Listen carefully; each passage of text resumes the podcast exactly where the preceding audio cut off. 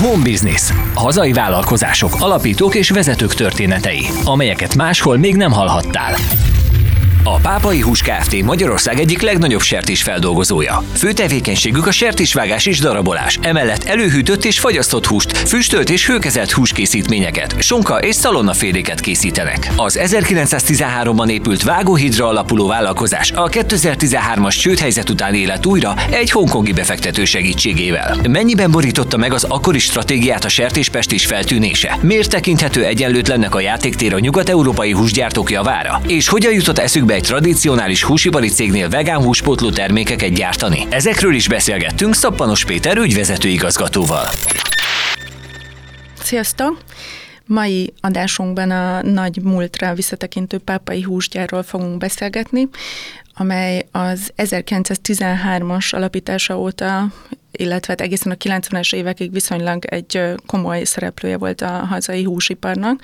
Aztán ugye a 2010-es évek elején mintha egy kicsit nehéz helyzetbe került volna, és aztán mára ismét hazánk egyik legnagyobb sertés feldolgozója ez a cég. Vendégünk Szappanos Péter ügyvezető igazgató. Köszönjük szépen, hogy elfogadtad a meghívásunkat. Köszöntünk a műsorban. Én köszönöm. Kezdjük rögtön azzal, hogy te 17-ben csatlakoztál a pápai húshoz. Korábban nem ilyen területeken dolgoztál. Mi volt a motivációd, hogy miért váltottál akkor a pénzügyi szektorról a húsiparra? Hát a váltás az már egy kicsit korábban megtörtént. A, valóban 15 évet a pénzügyi szektorban töltöttem el, és valahogy mindig is éreztem, hogy valami hiányzik, de azt nem tudtam megmondani, hogy mi. És akkor jöttem rá, amikor először a Tokaj kereskedőház később mai nevén Grand Tokajhoz teljesen, hát mondhatjuk véletlennek, vagy isteni gondviselésnek valami, ami, a, ami, ami oda vitt engem. A 15 év pénzügyi szektor után teljesen megvilágosodott bennem, hogy valami olyasmi hiányzott, ami egy kézzelfogható, egy termék, megfogható, büszke lehet rá lenni, nem lekicsinyelve a, a banki szektort, arra is lehet büszkének lenni. Én személyesen úgy éreztem, hogy, hogy sokkal jobban rezonál velem egy bármi egy olyan termék, ami, amit meg lehet inni, meg lehet enni, kézzel lehet fogni. És eh, innen kerültem a pápai húshoz, 2017 végén, tehát majd, hogy nem 2018-ban, 2017 novemberében kerültem oda, és azt kell mondanom, hogy bár furán hangzik, a szőrészetborászat az nagyon-nagyon analóg a húsiparral, és szeretném előre is lefektetni, most bármikor, amikor húsiparról beszélünk, és külön nem mondom azt, hogy baromfi, vagy bármilyen más hús, akkor csak a sertéshúsról beszélünk, mert nagyon másképp viselkedik a, a baromfi ö, ö, szárnyas húsok, mint a sertéshús, tehát csak sertéshúsról beszélek. És ez egy nagy kihívás volt egyrészt kamatoztatni a, a már valamilyen szintű élelmiszeripari tapasztalataimat, kettő, hogy ugyanúgy, mint Tokajnál, ahol volt egy régi nagy múltú brand, a Tokai Bor, ami vala egy világszintű luxusmárka volt, azt felvirágoztatni, a pápai húsban valami hasonlót láttam. És ugye kezdetben stratégiai igazgatóként kerültél oda, aztán lett belőled ügyvezető igazgató. Mi volt az átmeneti időszak a stratégiai igazgatóság során? Mi volt a feladatod? ez egy ez nagyon jó kérdés, ez a stratégiai igazgatói pozíció, ez ez egy nagyon nagy szabadságot adó pozíció, mert tényleg a stratégiában, gyakorlatilag a stratégia, hogyha ha szűken nézzük, akkor az az, vagy az adott meglévő erőforrásoknak a legjobb valamilyen felhasználása, vagy hogyan használjuk fel, és emellett még az, hogy milyen képességeket lehetne, kellene megszerezni, ahhoz, hogy akár még jobb lehessen. Tehát ebbe tényleg bármi belefér. Az a szomorú mementója volt 2018-nak, hogy Magyarországon is megjelent a afrikai sertéspestis vírusa, tehát itt már a pápai húsnak és az egész sertéshúsiparnak már a Covid előtt is volt egy, nem is egy, hanem összesen kettő ilyen vírus megjelenése 18-ban és 19-ben, és nagyon-nagyon sok mindent kellett átgondolni, mivel a afrikai sertéspest is megjelenése az annyit jelent, hogy azonnal administratíve kizárják a, az összes magyar céget, nem teljesen mindegy, hogy hány kilométerre van az adott fertőzéstől, a világpiacon a legjövedelmezőbb dél-kelet-ázsiai piacokról, ez Kína, Japán, Tajvan. Nagyjából ez a három, Szingapur, stb. ezek kicsik. De a lényeg az az, hogy a, abban a pillanatban, és különben a japánok hihetetlenek voltak, mert ott 10 órával később van, de már a következő reggel, ami gyakorlatilag nekik valahogy, ha még éjszaka lehetett, már azonnal kizárták, visszamenőleg egy hónapra a magyar uh, sertéshús termékeket. És hát ott nagyon sok minden kellett gondolkodni, mert az egész stratégia akkor részben az új tulajdonos miatt is, amelyik egy hongkongi cég, a, a, abszolút dél-kelet-ázsiai irányultság lett volna, és hirtelen újra kellett tervezni, ami nagyon nem egyszerű. És hát ennek volt nagyon sok új vonalata, hogyan alkalmazkodunk ez az afrikai sertéspestis járványhoz, mit kellene javítani, mert a tény, hogy a, a 2000-es évek elején kicsit megbicsaklott az a korábbi a magyar húsipar fellegvára megtisztelő, vagy egyik fellegvára megtisztelő címet kivívott cég, tényleg megbicsaklott, elkezdett bugdácsolni, és a, az, az egészet újra kellett tervezni, nem csak a dél hanem a hagyományos hazai értékesítést is, és hogy a nyershús és a, a készítmény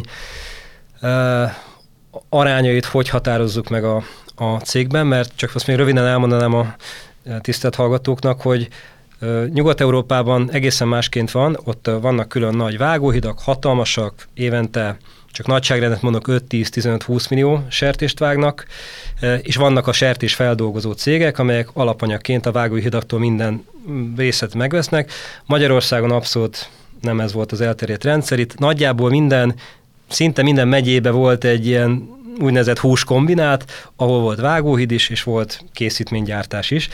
Ez azért nagyon nagy részben fennmaradt.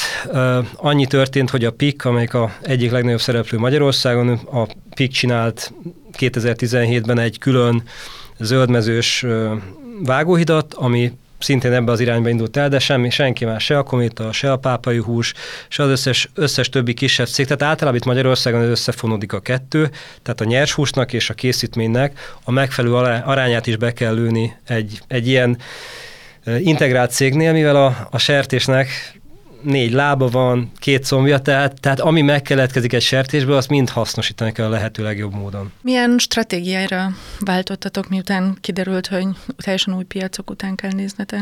Más exportpiacokat próbáltunk megcírozni, bár ez, ez is a cég egyik nagy büszkesége, hogy már 1968-tól kezdve, azaz már korábban is, de 68-tól kezdve az Egyesült Államokba is folyamatosan, és azóta is megy ez az export, de a cél, célkeresztbe került a svéd piac, tehát a lényeg az az, hogy a korábbi dél és tényleg valószínűleg ott a, az, a, az ottani ízlésvilág miatt, és az ottani nem teljes önellátás miatt a sertésből, ott, ott tényleg konzisztensen sokkal magasabb áron lehetett eladni a, a bármilyen sertés terméket, a nyershús részeket kifejezetten, ami, ami különben most egy nagyon, megint nem akarok előre szaladni, de egy, egy nagyon egyenlőtlen játékteret teremt az európai országoknak, ahol még nem jelent meg ott oda, onnan tudnak exportálni a, ezekre a jól fizető piacokra, és ami még egy plusz csavar benne, hogy olyan Európában mellékterméknek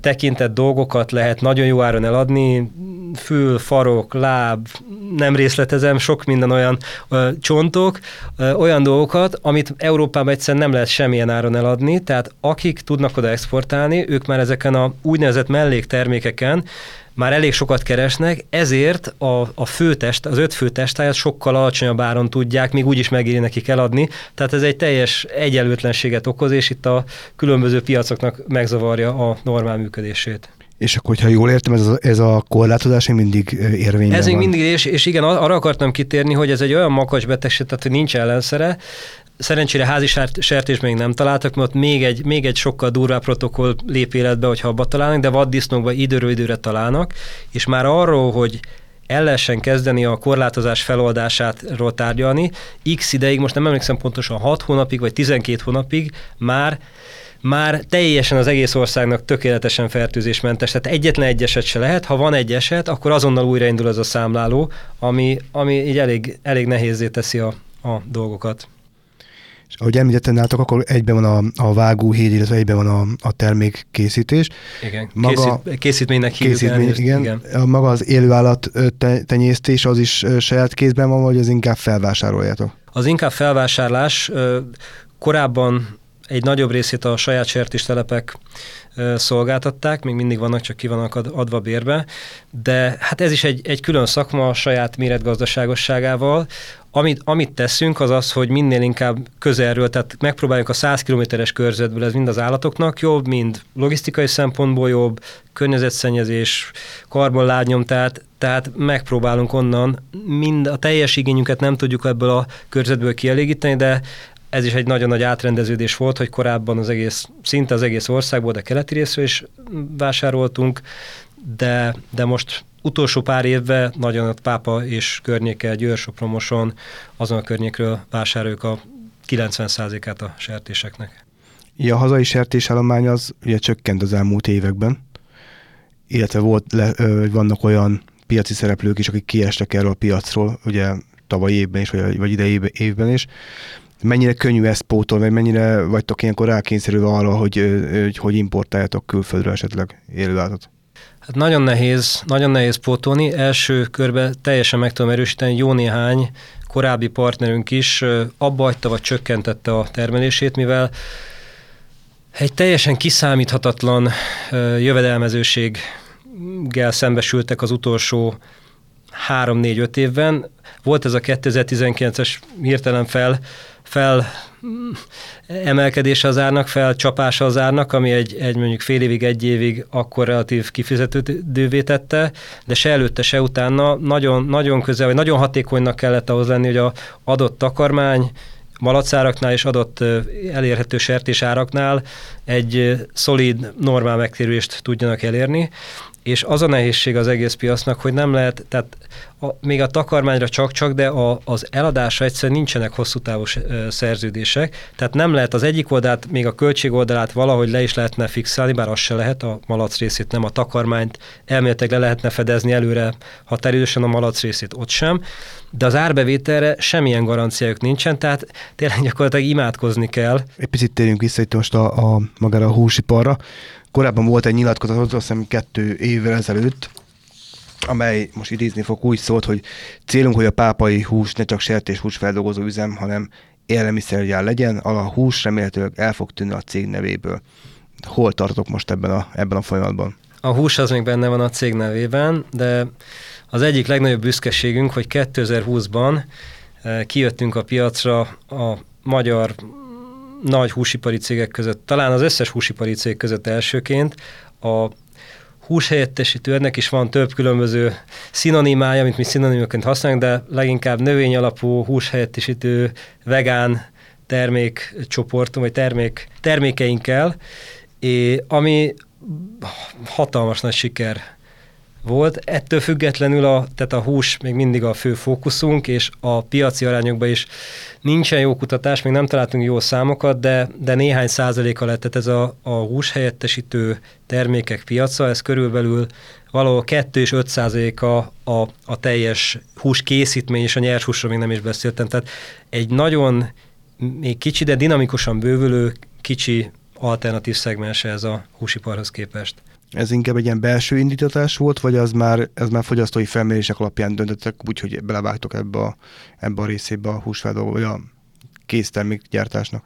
Ez abszolút proaktív belső indítatás volt, ez valójában ennek a gyökere 2019-ben volt, amikor, amikor 2019. március 1-én kineveztek ügy, ügyvezetővé a stratégiai igazgatóság után egy nagyon mély és szigorú önvizsgálatot tartottunk, és egy piaci vizsgálatot, hát az egész előtte való év arról szólt, hogy hogy pozícionáljuk újra a céget, és azt láttuk, hogy borzasztó nagy a verseny minden normál húsipari szegmensben. Ez nem jelenti azt, hogy ott, ott nem, nem innováltunk, és nem, nem eh, tettünk meg minden lépést azért, hogy ott is javuljanak a verseny, eh, javuljon a versenyhelyzetünk, és javuljunk, de találtunk egy ilyen szegmest, ahol rájöttünk, hogy a kompetenciánk megvan, a technológiánk megvan, nem láttunk még semmilyen domináns szereplőt, az a, az a vicces, hogy én most talán az ilyen nagy cégek, Unilever, Nestlé, ezek most ebbe az éve tavaly kezdtek el így éredezni, de ezt most 2019-re visszavetítve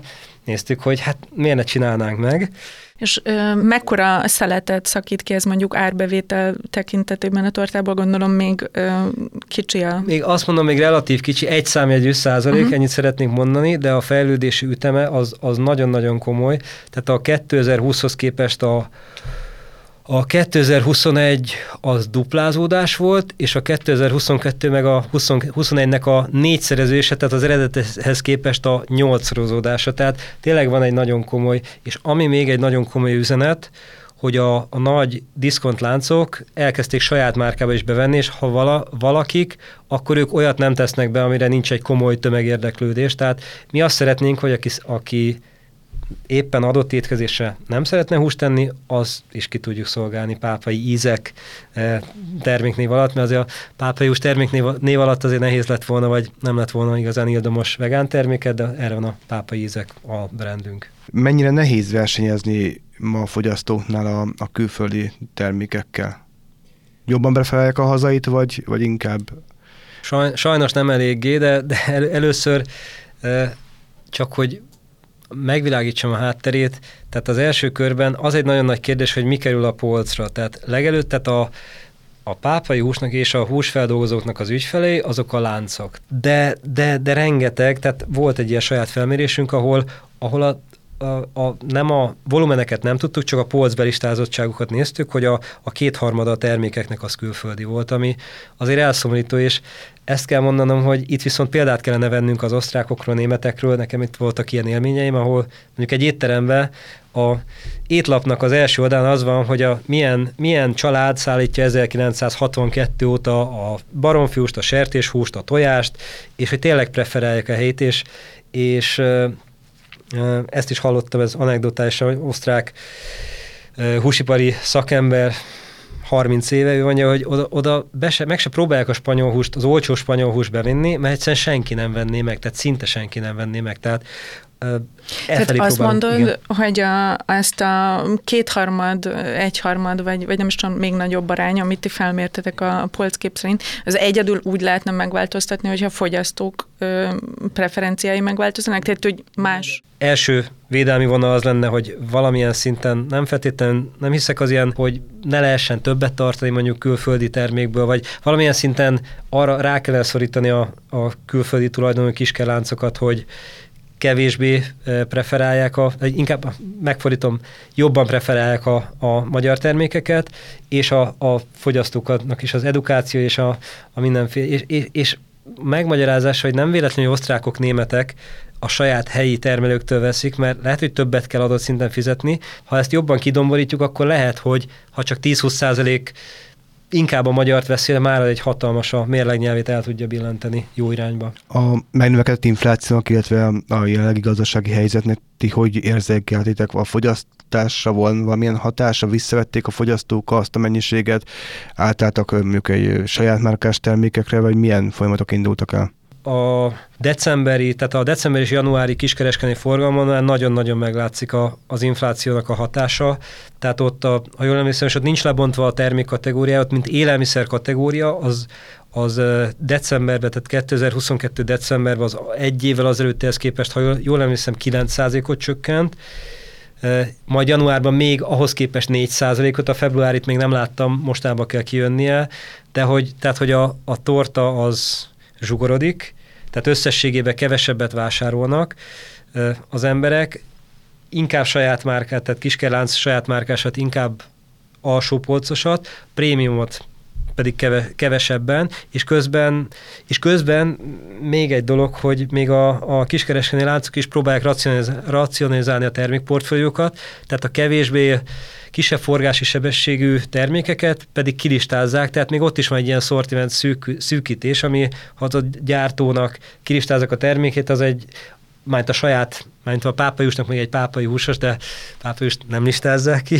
nem, ez, ez viccelek sajnos, ez ilyen adok-kapok, hogy hol, hol kilistáznak, hol meg mi belistázunk valahol más, de hogy az önmagában egy nagyon, nagyon nehéz dolog, hogyha ha csökken a, a polchelyeknek, vagy csökken a termékek száma, amit, amit egy adott kiskereskedői lánc. Azoknál is, akik korábban pont arra voltak büszkék, hogy minél szélesebb szortimentet, minél szélesebb portfóliót tartanak. Az értékesítésnél ti saját lábon is álltok, vagy, vagy leginkább, vagy csak a diszkontláncokkal váltok kapcsolatban? Nem, nem csak a diszkontláncok, a tíz nagy kiskereskedői lánc van Magyarországon, az most már beemelem a kifli.hu-t, aki a 11 abszolút hatalmasat nő, nőttek ők is, nálunk is nagyon, nagyon fontosak, és vannak saját boltjaink, öt darab saját boltunk, ez ez egy, hát konkrét számon nem akarok mondani, de egy, egy érezhető része, de azért a, a 11 kiskereskedelmi lánc a legnagyobb része a, a árbevételünknek. Attól féltünk, hogy elcsábulnak a, a fogyasztók, hogy ha már minden másérbe mennek az adott kiskerlánc boltjába, akkor megveszik a húst is, de nagyon jól esően konstatáltuk, hogy, hogy nem, és sokszor, vagy sok szempontból prémiót is fizetnek azért, hogy tudják, hogy friss nyers húst kapnak. Tehát ez, ez úgy látjuk, hogy ez egy ilyen, ez egy ilyen na- nagyon komoly, nagyon komoly uh, lelkiismereti kérdés, hogy friss, megbízható forrásból származó leginkább magyar nyershúst vegyenek. És egyébként ezek a boltok mind saját tulajdon, vagy ezek franchise-ban vannak? Ezek, ezek saját tulajdonok, és különben gondolkodunk, nagyon sok mindenben gondolkodunk, mert azt látjuk, hogy nincs egy országos ilyen specializált szakbolt, hentesbolt hálózat. Nehéz is logisztikailag e, megoldani. Például nekünk is mondjuk egy keleti ország, mondjuk egy Debreceni egyházi boltot nem feltétlenül tudnánk ugyanúgy ellátni, bár így is nagyon sok Kóba, CBA-ba, reálba szállítunk kisebb boltokba nyershúst, tehát azért meg lehet oldani, de menedzsment és operációs szempontból a környéken próbálunk meg terjeszkedni, de, de azt gondolnánk, hogy lenne létjogosultsága egy egész országos ilyen hentes szakbolt hálózatnak, ami még valamiért nincsen. Azt látjuk, hogy helyi szinten pont ugyanilyen elvek mentén kettő, három, négy, talán egy-egy régióba tud lenni, de országos szint nincsen, tehát ebbe is gondolkodunk, csak ezt, ezt egyszerre kellene az egész országban, vagy legalábbis a nagy városokban elindítani, mert akkor, akkor lett egy közös fellépés, egy közös marketing, közös arculat, tehát ez az egy nagy beruházás, tehát a hűtőtechnika az, az több százmillió forint, egy, egy adott boltnak a képítése, sok évre a kibérlése, tehát, tehát azért egy, egy komoly új zöldmezős húsboltnak, vagy akár ha az épület megvan, 3-400-500 millió forint per bolt. Tehát itt ez egy országos hálózat, mondjuk 10-15-20 megye székhen, mindenki ki tudja szorozni, hogy az egy sok milliárdos beruházás lenne. Így záró kérdésként, hogyha most előre tekintünk egy, egy néhány évet, két-három-öt évet, akkor milyen terveitek vannak, hogy hogyan látod a pápai húst mondjuk egy öt év múlva? Én mindenképpen azt szeretném, hogyha még több piaci szegmensben lenne ott, tehát nem csak a húsban, tehát a, a hús az a, az a zászlóshajó, az, az mindig is lesz, az a büszkeségünk, az, ott van a hagyományunk, ott, ott volt az eddigi hozzáértésünk, viszont az innovat, egyre nagyobb szeretét szeretném, hogy a, az árbevételek az innovatív területekről jöjjön, és különböző növény alapú szegmensekbe betörni, ami akár nagyon, a, nem csak a feltétlen, a, nem csak a, az ehető, e, mint az élelmiszer, hanem a, és nem csak a húshelyettesítőben, hanem, hanem bármilyen más növényalapú szegmensben szeretnénk, mert ugyanazokért, mert hozzáértésünk van, elhivatottságunk van, és domináns szereplők még nincsenek, tehát ezek, ezek mind-mind-mind vonzó szegmensek lehetnek számunkra. Akkor új piacok felé Igen. az irányt. Köszönjük szépen a beszélgetést. Nagyon köszönöm. Home Business. Hazai vállalkozások, alapítók és vezetők történetei, amelyeket máshol még nem hallhattál. A felvétel a t stúdióban készült. thstudio.hu. A beszélgetést a Magyar Termék Nonprofit Kft. támogatta.